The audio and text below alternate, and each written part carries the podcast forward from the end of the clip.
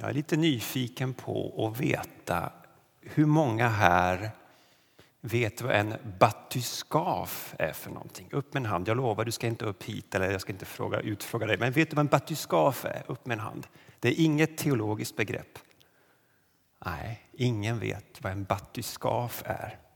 En batyskaf det är en, den ubåt som är specialkonstruerad för de djupaste djupen.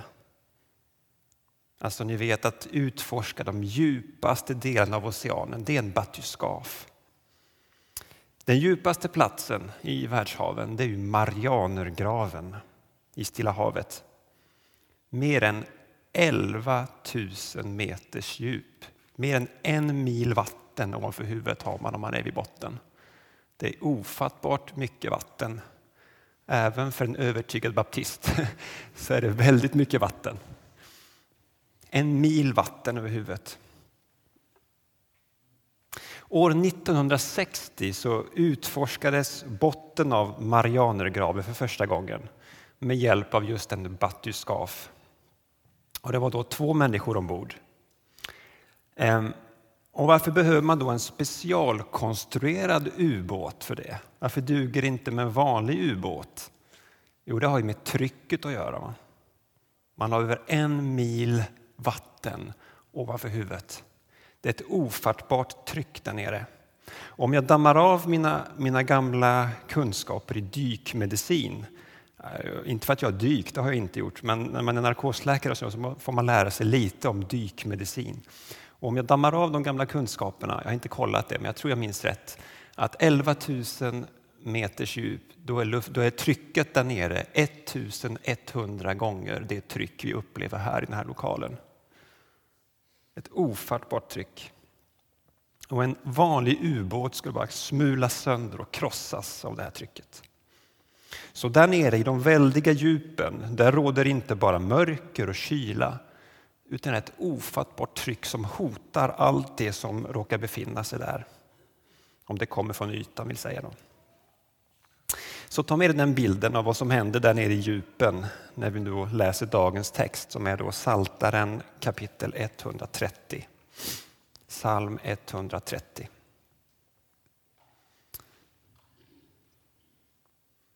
En vallfartssång. Ur djupen ropar jag till dig, Herre. Herre, hör mitt rop. Lyssna när jag bönfaller dig. Om du la synder på minnet, Herre, vem kunde då bestå? Men hos dig finns förlåtelse och därför fruktar man dig. Jag väntar på Herren, jag längtar, jag hoppas få höra hans ord. Jag längtar efter Herren, mer än väktarna efter morgonen, än väktarna efter morgonen.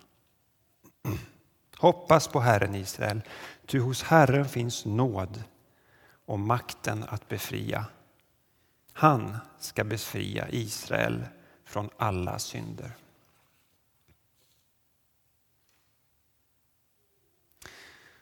Den här salmen handlar för det första om ett behov. För det andra om en, om en insikt om vad som ska möta det här behovet. Och för det tredje om det vi kanske kunde kalla ett slags profetisk vittnesbörd. Vi börjar med behovet och det, det har vi i vers 1, 2 och 3. Vi läser om de tre första verserna. En vallfartssång. Ur djupen ropar jag till dig, Herre. Herre, hör mitt rop. Lyssna när jag bönfaller dig. Om du lade synder på minnet, Herre, vem kunde då bestå? Det här är då en vallfartssång, står det i första versen. Och man vet inte riktigt säkert vad grundtextens ord syftar på. Det är tydligen svårtolkat. Men enligt min kommentarbok hemma i bokhyllan så kan ordet eller syfta på eller anspela på ett trappsteg också. Ett trappsteg. Och den tanken gillar jag. Eh, för den här sångtexten, för Psaltarpsalmer är ju sångtexter från början. Den, handlar om, den här texten handlar om att befinna sig djupt, djupt långt ner. Och den handlar om att få komma upp, att kliva upp från djupen via de trappsteg som Gud så att säga lägger framför oss och komma upp till ytan ur de djupen vi befunnit oss i. Ur djupen ropar jag till dig, Herre. Så författaren han befinner sig på något slags bildligt djup i en avgrund i den djupaste dal. Och där är det nattsvart, han, han ser ingen ljusning. Han behöver hjälp. Um, och jag vet inte vad just ditt mörker är, du som sitter här och känner att det där kan jag identifiera med mig idag. Med tanke på hur vanligt nedstämdhet och depression är så är jag rätt säker på att det är någon här som känner så just nu. Eller som sitter hemma och lyssnar på det här i efterhand och som känner sig väldigt djupt nere. Och då vill jag bara helt kort inledningsvis vända mig till dig. För i ditt mörker, där finns Gud. Och när du som psalmisten gör ropar och säger Hör mitt rop Gud, lyssna när jag bönfaller dig. Och vill jag bara påminna dig om att vår tro är att Gud är med dig i det djup som du befinner dig i. Vi tror på en Gud som är med oss. Och jag säger inte det med någon slags glättighet för jag fattar att det eh, ofta inte finns någon quick fix sådär. I alla fall inte med mänskliga mått mätt. Men jag vill ändå på något sätt eh, försöka tända ett ljus i ditt mörker idag.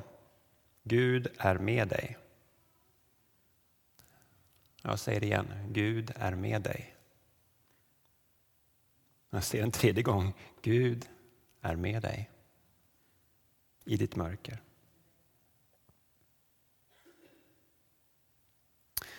Okej, åter till texten. Författaren befinner sig alltså i avgrunden, i de väldiga djupen.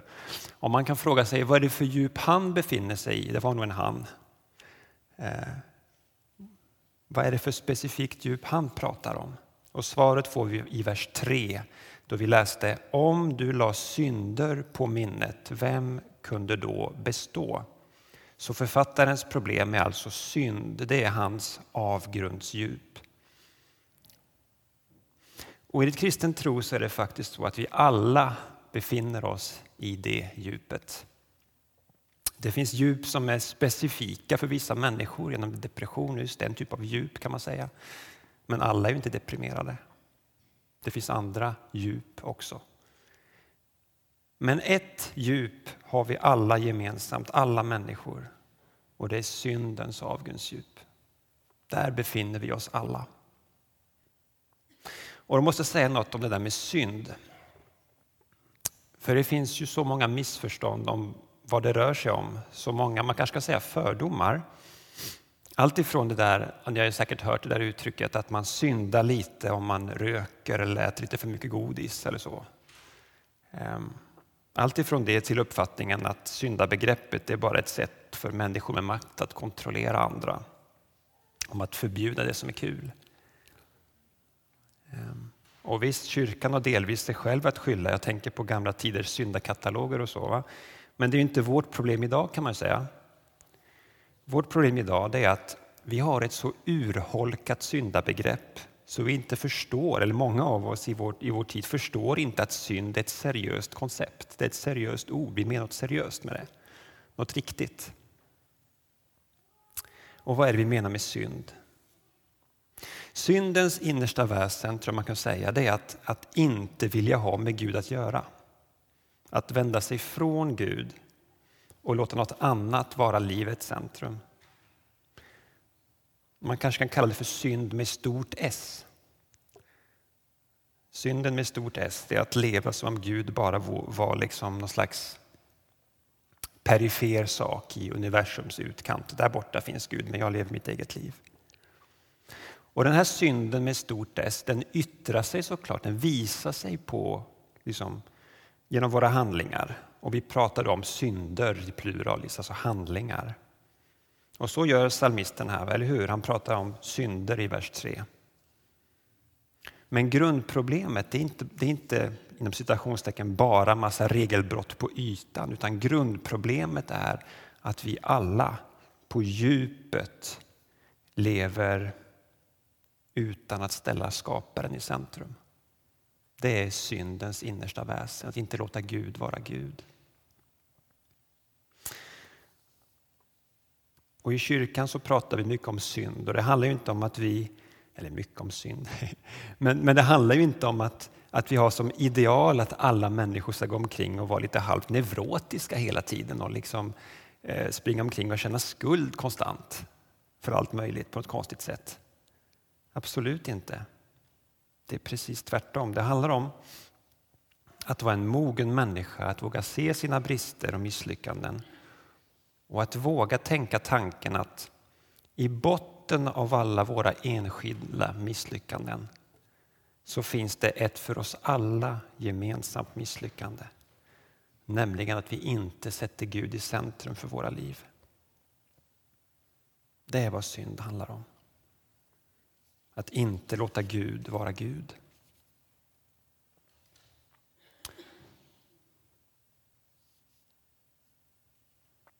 Men då finns det ju en fälla som vi kristna, tyvärr måste vi väl erkänna, ofta faller in i. Den fällan det är dömandets fälla. Det ligger nära till hands. Att prata om synd och att döma andra, det, ligger väldigt, det finns ofta en koppling där. Så Jesus han var en fantastisk pedagog, eller hur? Kommer ni ihåg liknelsen om flisan och bjälken? Alltså det är en så fantastisk bild. Har man hört den en gång så glömmer man den aldrig, tänker jag. En man, om man går omkring med en bjälke i ögat liksom, och så säger man, du, låt mig hjälpa dig med din flisa. Det är liksom så, så briljant. Det är från Bergspredikan.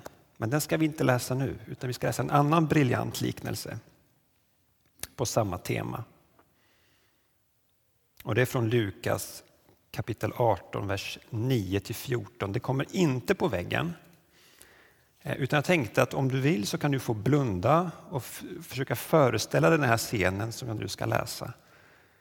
Um, försök leva dig in i den här, som jag tycker, oerhört vackra och utmanande texten. Den här liknelsen. Så om du vill så får du gärna blunda. till några som litade på att de själva var rättfärdiga och som såg ner på alla andra riktade han, alltså Jesus, denna liknelse. Försök nu se det här framför dig. Då. Två män gick upp till templet för att be. Den ene var farisé, alltså ett religiöst proffs. Den andra tullindrivare, alltså en ett fullständigt misslyckad människa med, med dåtidens mått mätt. Farisén ställde sig och bad för sig själv. Jag tackar dig Gud för att jag inte är som andra människor. Tjuvar och bedragare och horkarar eller som tullindrivaren där. Jag fastar två gånger i veckan. Jag lämnar tionde av allt jag köper. Men tullindrivaren stod avsides och vågade inte ens lyfta blicken mot himlen utan slog med händerna mot bröstet och sa Gud var nådig mot mig, syndare. Så säger Jesus, jag säger er, det var han som gick hem rättfärdig snarare än den andre. Ty den som upphöjer sig ska bli förödmjukad, men den som ödmjukar sig ska bli upphöjd.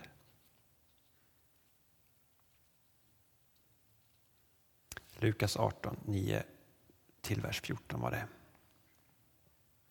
Jag tycker det är så vackert och så avslöjande.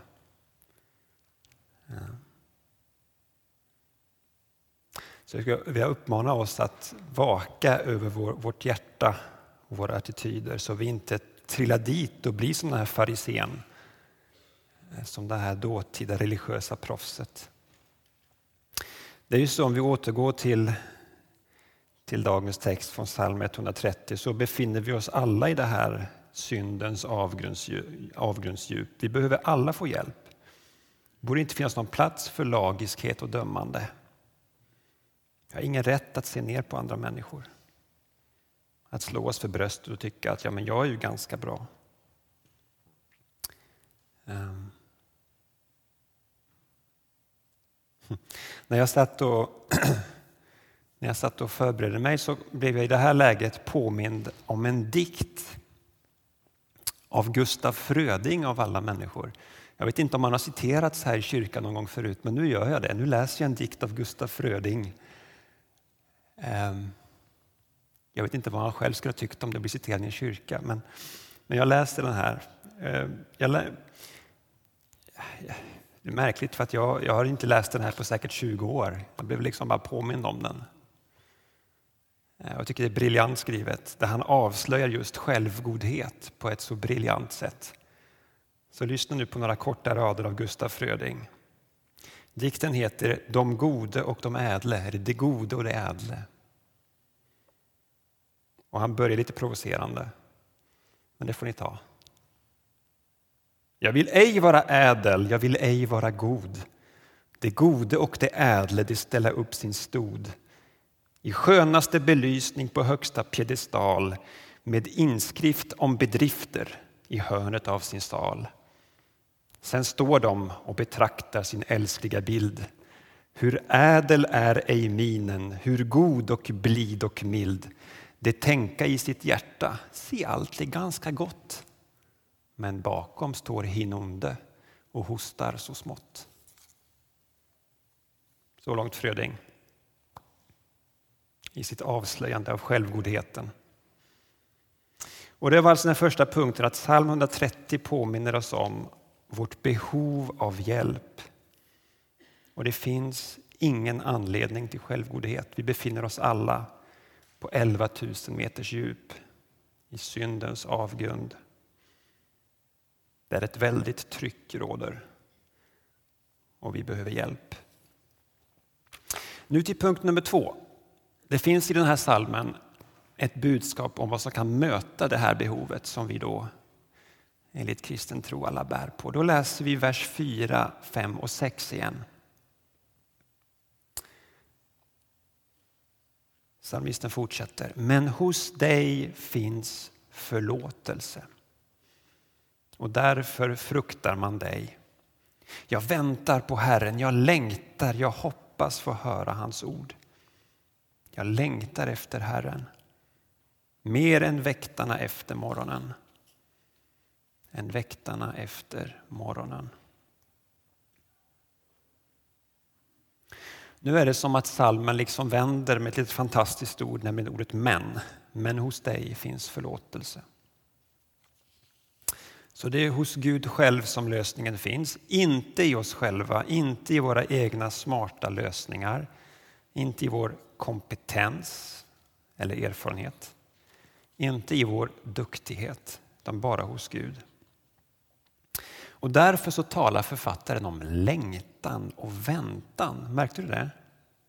Han väntar och han längtar och han hoppas. Och det är ingen slump att han använder just de orden, för han har insett att han fixar inte det här på egen hand. Han har säkert försökt, försökt. Eh, jag tror inte det handlar om passivitet, han har säkert ansträngt sig. Men till sist måste han erkänna att endast Gud kan hjälpa mig. Jag kan bara vänta och hoppas. Och jag tror att de av oss som har jobbat natt, nu gör jag inte det längre sedan flera år tillbaka, men en period så gjorde jag det väldigt mycket. Och de av oss som har jobbat natt, vi kan säkert identifiera oss speciellt med orden från vers 6. Va? Jag längtar efter Herren mer än väktarna efter morgonen. Alltså den där känslan klockan tre eller fyra när man bara vill gå och lägga sig. Och så vet man, jag måste bara härda ut tre, fyra, fem timmar till. Bara. Det är en stark känsla. Då bara vill man gå och lägga sig. Och den känslan den har författaren angående Gud. Han längtar efter Gud. En längtan som nästan förtär honom. Och det är därför han ropar, ur djupen ropar jag till dig Herre. Okej, men då kanske du funderar på ordet eh, fruktar som fanns i vers 4. Men hos dig finns förlåtelse och därför fruktar man dig. Vad då fruktar? Betyder det att vi ska gå runt och vara rädda för Gud? Varför pratas det om fruktan här? När Bibeln pratar om, Bibeln pratar om, talar om gudsfruktan så handlar det inte om en rädsla som förlamar och binder oss. Eh, det handlar om något annat. Jag ska ta en liknelse nu. Och som alla liknelser så har den brister, men, men jag tycker den här liknelsen säger något viktigt. Eh, jag tycker den är ganska bra, jag gillar den. Jag tror inte du går omkring hemma till vardags och liksom är rädd för de här eluttagen du har i väggen. Eller hur? Ehm, du är knappast panikslagen varje gång du närmar dig ett vägguttag. Liksom. Och du darrar inte av rädsla när du ska stoppa i eh, liksom, stickkontakten för att dammsuga. Men däremot så hoppas jag att du har ganska stor respekt för vad som finns där.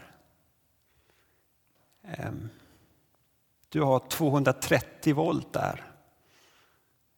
Ehm, det handskas man inte med hur som helst.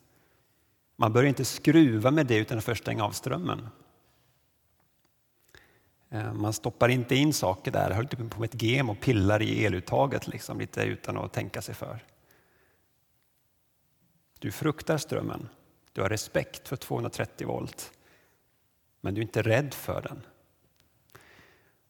Och bristen i den här liknelsen är att Gud är personlig och ström är ju inte personligt då, men jag tror du förstår vad jag menar.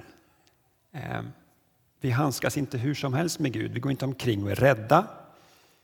Men vi inser också att Gud är ingen liten gullig tomte på ett moln. Eh, så på samma sätt som vi fruktar 230 volt utan att vara rädda för dem, så är vi kallade att frukta Gud, att ha respekt för Gud att ha den djupaste vördnad för Gud. Och Det är därför människor ibland böjer knä i bön till exempel. Det är ett sätt att med sin kropp uttrycka vördnad och respekt. Hos Gud och endast hos Gud finns förlåtelse, läste vi. Och därför har vi den djupaste respekt för vår Herre, för, för källan i vårt liv. Till honom som kan, det är han som kan dra upp oss från 11 000 meters djup och ställa våra fötter på fast mark.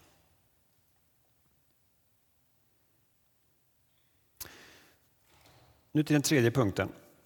Det här var det här lite luddiga eller lite konstiga uttrycket jag inledde eller hade med som tredje punkt. Att, att psalm 130 är ett slags profetiskt vittnesbörd. Vad menar jag med det? Ett profetiskt vittnesbörd om att Gud kommer att agera och han kommer att möjliggöra för varje människa att dras upp ur syndens avgrundsdjup. Vi läser vers 7 och 8 igen för att förstå vad, det, vad, jag, vad jag syftar på. Vers 7. Hoppas på Herren Israel, ty hos Herren finns nåd och makten att befria. Han skall befria Israel från alla synder. Jag tycker här finns det någon slags någon slags förviss, någon slags liksom, övertygelse om att den här befrielsen från synden är möjlig och att den kommer att ske. Han kommer att befria. Och för oss då som lever, det här är en text från Gamla Testamentet, men för oss som lever så att säga på andra sidan korset och uppståndelsen så kan man säga att de här orden, vi kan ju lägga en djupare betydelse i dem, eller hur? Eh, ibland talar man om sensus plenior på latin, alltså man kan ge en djupare betydelse i en text, till en text. Och den här texten skrivs som sagt på Gamla testamentets tid. Och vi lever i den nya tiden som har inletts genom Jesus. Och därför så kan vi frimodigt och med så att säga, inspiration från de här raderna så kan vi säga till varandra att hos Herren Jesus Kristus finns nåd och makten att befria. Vi kan så att säga läsa de här texterna ur Nya testamentets perspektiv och ge dem en djupare innebörd. Jesus har makten att befria var och en från det som binder oss vid botten på 11 000 meters djup. Ur djupen ropar vi till honom och han lyfter oss upp. Han gör det. I varje kristens liv så, så, finns det, eller har det funnits en dag som var den första dagen man ropade på hjälp. Den dagen man för första gången fick uppleva att, att Gud drog oss upp ur dyn eller ur avgrundsdjupet. Att han så att säga lät trappsteg uppstå. Kommer du ihåg det här ordet som översätts med vallfartssång, kanske har med trappsteg att göra på något sätt. Gud låter trappsteg uppstå så att du kan knalla upp till ytan. Och för varje människa finns möjlighet att få uppleva den här trons första dag. Och den finns för dig idag också. Den möjligheten, om du aldrig har ropat på hjälp från 11 000 meters djup, så kan du idag göra det. Men det får inte stanna där, vid den här första dagen. I en viss bemärkelse så är vi alla här, alla som tror på Jesus, kallade att hela vårt liv ropa den här bönen. Från morgon till kväll. Inte för att vi är rädda för Gud, inte för att vi neurotiskt granskar oss själva. Åh, jag har gjort något fel igen. Öh, öh, öh", så här. Ehm. Utan för att vi är medvetna om att det finns något i oss som dag efter dag vill dra ner oss i djupet igen. Det är som att vi bär på någon slags konstig fallenhet att sjunka mot botten. Och dag efter dag behöver vi därför få känna och uppleva att Gud drar upp oss till ytan igen. Det är ju så att naturligtvis är det så som kristen som man kallar att växa. Att, att växa i sin tro, att dag efter dag liksom kunna lägga, av, lägga undan allt som tynger oss, allt som vill dra ner oss på djupet. Eh, så det är ingen fatalism i det här att det, liksom, det är kört, vi misslyckas konstant. Eh, vi tror att Gud kan verka i vår karaktär, det vi kallar traditionellt så kallar vi det för helgelse. Det är nog många här av den yngre generationen som kanske inte har hört talas om det ordet, helgelse, att växa i sin tro, att växa, bli mer lik Jesus. Men helgelsens första steg är att inse att den inte finns där. Att den är en gåva. Att jag inte kan se ner på andra och tro att jag kan stå mig för bröstet och stoltsera med min egen präktighet och duktighet. Så jag säger det igen, helgelsens första steg är att inse att den finns inte där. Alltså en slags nykter realism, att jag fixar inte det här på egen hand. Jag kan inte bli lik Jesus genom att rycka mig i håret. Utan om jag ska växa i min tro så måste jag dag efter dag öva på ett av den kristna trons viktigaste ord. Hjälp! Hjälp mig Gud, ur djupen ropar vi till dig dag efter dag, till vår Herre ropar vi det, dag efter dag. Herre, hör vårt rop, lyssna när vi bönfaller dig. Och Gud hör vårt rop. Och han drar upp den som ärligt ödmjukar sig och säger i mig så finns den här märkliga fallenheten, den här märkliga tendensen att sjunka ner igen. Jag sätter mig nästan mot min vilja i syndens batuskaf varje dag och får ner till 11 000 meters djup. Och jag behöver din hjälp Gud att dras upp till ytan igen.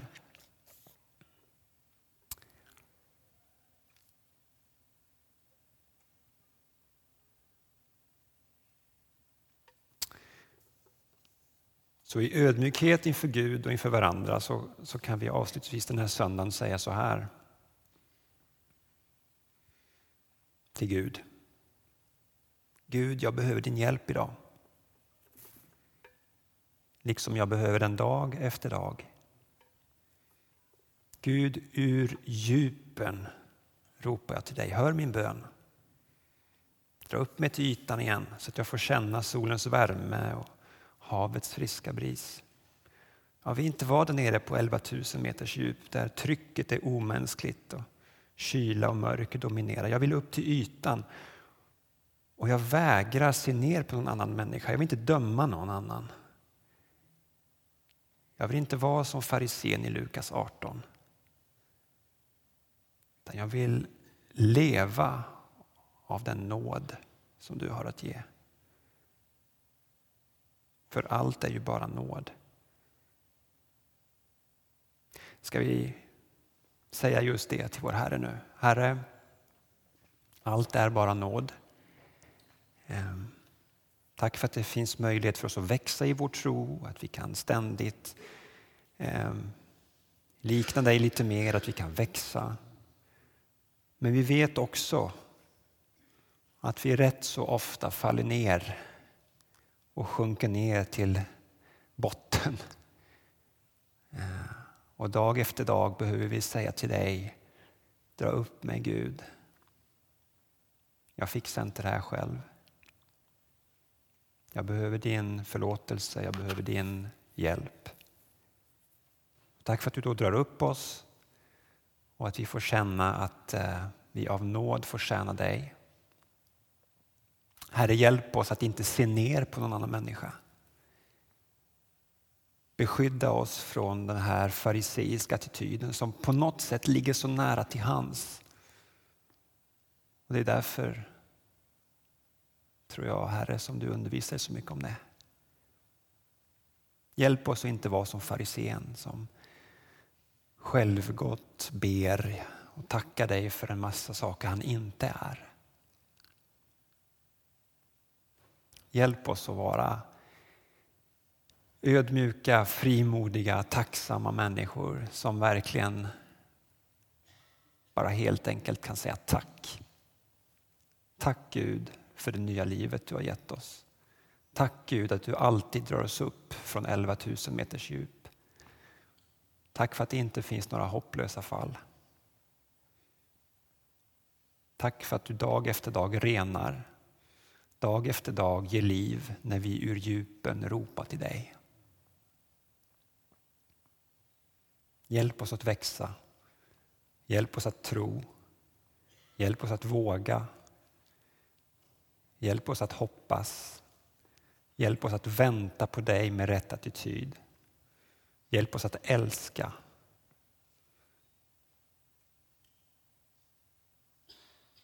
Hjälp oss att vara lika dig. Amen.